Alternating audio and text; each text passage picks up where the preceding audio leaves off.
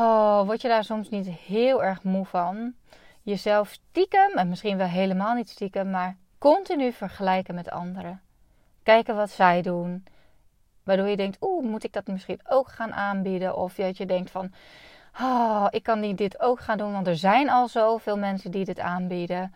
Of um, er zijn al zoveel die hetzelfde doen. Hoe kan ik me in godsnaam onderscheiden ten opzichte van die anderen? Allereerst stop met vergelijken. Als jij heel veel mensen volgt op Instagram die hetzelfde doen, misschien is het handig om eens een keer een aantal mensen te gaan ontvolgen en eens te gaan kijken bij jezelf waar nou jouw kracht ligt en jouw uniciteit. Zo, dat is een mooi woord. In deze podcast ga ik jou hele waardevolle tips geven om je eigen uh, ja, stem te vinden en ook jou op een unieke manier te gaan onderscheiden ten opzichte van concurrenten, waardoor je eigenlijk helemaal niet eens meer bang hoeft te zijn voor concurrenten. Hoe lekker is dat? Hey, wat super leuk dat je luistert. Ik ben Marlou. Zo'n 10 jaar geleden begon mijn ondernemersavontuur. Mijn missie is om jou te inspireren en te helpen groeien. Zowel zakelijk succes als persoonlijke ontwikkeling. Hoe vind je de juiste balans tussen mind, body en business? Eerlijke verhalen, business tips, maar ook mindset en wet van aantrekking komen aan bod. Ben jij klaar om moeiteloos te gaan ondernemen vanuit de juiste energie? Enjoy! Oh jongens, ik hou zo van mijn werk. Ik kom net uit een hele leuke 1 op 1 sessie uh, met een klant uit mijn uh, mastermind traject. En we kregen het over je onderscheidende vermogen.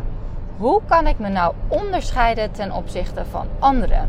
Nou, ik werk natuurlijk met heel veel klanten die uh, een dienstverlenend bedrijf hebben. Dus die bijvoorbeeld coach zijn, of interieurstylist, of fotograaf, of nou ja, een andere vorm van dienstverlening uh, doen.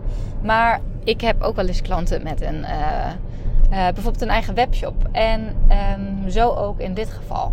En wat ik vaak merk inderdaad is dat mensen het onderscheidende vermogen soms in iets heel verkeerd zoeken. Namelijk dat ze gaan kijken van ja, maar mijn collectie moet per se heel onderscheidend zijn. Of ik moet hele onderscheidende stoffen gaan hebben. En ik kan niet hetzelfde gaan aanbieden als mijn concurrenten. En toen zei ik ook tegen haar van ja, maar is dat hetgene waar jij je per se mee wilt onderscheiden? Um, dat is net zoals hè, als je het dan hebt over bijvoorbeeld wel een dienstverlenende business. Er zijn natuurlijk talloze business coaches. Er zijn ook talloze, weet ik veel, uh, Instagram coaches, burn-out coaches. Nou, noem maar op, slaapcoaches. Wat voor coaches hebben we tegenwoordig allemaal wel niet? Is hun aanbod per se heel verschillend of hun aanpak? Ja, misschien ook wel deels. Maar uiteindelijk, waar onderscheid jij je voornamelijk mee? Dat is met de positionering en jouw branding. Oftewel, de manier hoe jij jouw merk in de markt zet. En daarmee bedoel ik dus, en als we het hebben over branding, hoe communiceer jij? Wat is de tone of voice? Wat voor beelden laat jij zien? Wat voor verhalen deel jij? Oftewel, wat voor gevoel krijgen mensen als ze jouw merk zien of als ze wat bij jou kopen?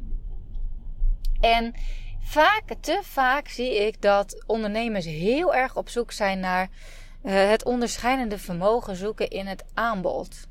Maar wil ik daarmee zeggen dat je niet onderscheidend mag zijn in je aanbod? Zeker niet. Maar probeer ook eens het op een andere manier te benaderen. Dus in plaats van dat je heel erg gaat zoeken naar, hè, oh ja, maar ik wil anders zijn dan de concurrenten in wat ik aanbied Um, ik zei ook van ja, zoals Apple, weet je wel, die heeft ook gewoon die AirPods. En er zijn zoveel merken tegenwoordig nog meer die allemaal van die AirPods verkopen. Maar ik wil Apple. Waarom? Omdat ik, ik, Apple, ik wil gewoon die Apple AirPods. Want ja, waarom eigenlijk? Ik ben, uh, ik identificeer mij met een iPhone gebruiker, een, een Mac gebruiker. Uh, en ik vind het fijn. Ja, ik vind die designs vind ik gewoon mooi. Ik weet niet dat. Dus ik krijg er een goed gevoel bij. Ik vertrouw dat. En en die zijn misschien wel veel duurder dan een merk, een ander merk, die eigenlijk in essentie hetzelfde aanbieden. Maar wat maakt dat ik voor Apple kies? Dat is natuurlijk de hele branding eromheen. Dat is het gevoel wat ik krijg bij die Apple AirPods. Snap je? Dus in plaats van dat je het verschil en het onderscheidende vermogen heel erg gaat zoeken in je aanbod, ga eens kijken wat kan ik doen in mijn merkbeleving. Dus in het verhaal wat ik naar buiten breng. Ik zei ook, duik eens eventjes in het hoofd van jouw ideale klant. Wat is zijn of haar belevingswereld? Naar wat voor winkels gaat diegene? Waar shopt diegene? Wat doet ze in haar vrije tijd? Waar, waar ziet zij zichzelf? Waar, wat voor gedachten heeft zij? Wat gaat zij voor inderdaad voor uh, iets stijlvols? En misschien uh, wil ze liever wat meer geld uitgeven omdat ze voor kwaliteit gaat. Of is het iemand die heel erg voor kwantiteit gaat? En we leven natuurlijk in een wereld wat helemaal draait om allemaal merken. Alles is een merk. Ik rij hier nu op de weg. Ik zie allemaal merken auto's voorbij komen. Maar wat maakt dat jij liever in een Volvo rijdt dan in een Peugeot? Ja, dat is puur de hele merkbeleving eromheen. Dus hoe het merk zich heeft gepositioneerd in de markt en in het hoofd van de ideale klant. Dus het onderscheidende vermogen kan hem ook heel erg zitten in hoe jij jezelf naar buiten brengt. Dus dat kan hem zitten in de fotografie. misschien laat jij bijvoorbeeld uh, in het geval van. Um, ik, ben altijd een beetje zoekende, omdat ik natuurlijk nu helemaal enthousiast ben over de coachingklant waar ik net mee heb gesproken. Maar ik, ik, ja, ik respecteer natuurlijk de privacy. Dus ik wil ook niet te veel van mijn klanten daarin delen. Totdat ik nou ja, bijvoorbeeld een keer zelf met ze in gesprek ga. Uh, naar aanleiding van mijn uh, trajecten. Um, dus ik ben even aan het kijken of ik een, ondertussen een ander, een ander voorbeeld kan, kan bedenken. Nou, stel je voor, je hebt een beautymerk. Je verkoopt make-up inderdaad. Hè, laat jij op je foto's alleen productfoto's zien?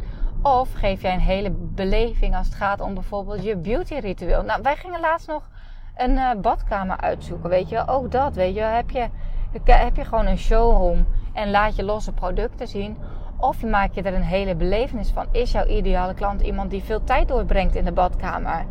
Eh, is ook gevoelig voor licht? Is er gevoelig voor styling? Dat er ook wat plantjes staan? Dat het allemaal mooi is aangekleed? Ja, duik in die belevingswereld van jouw ideale klant.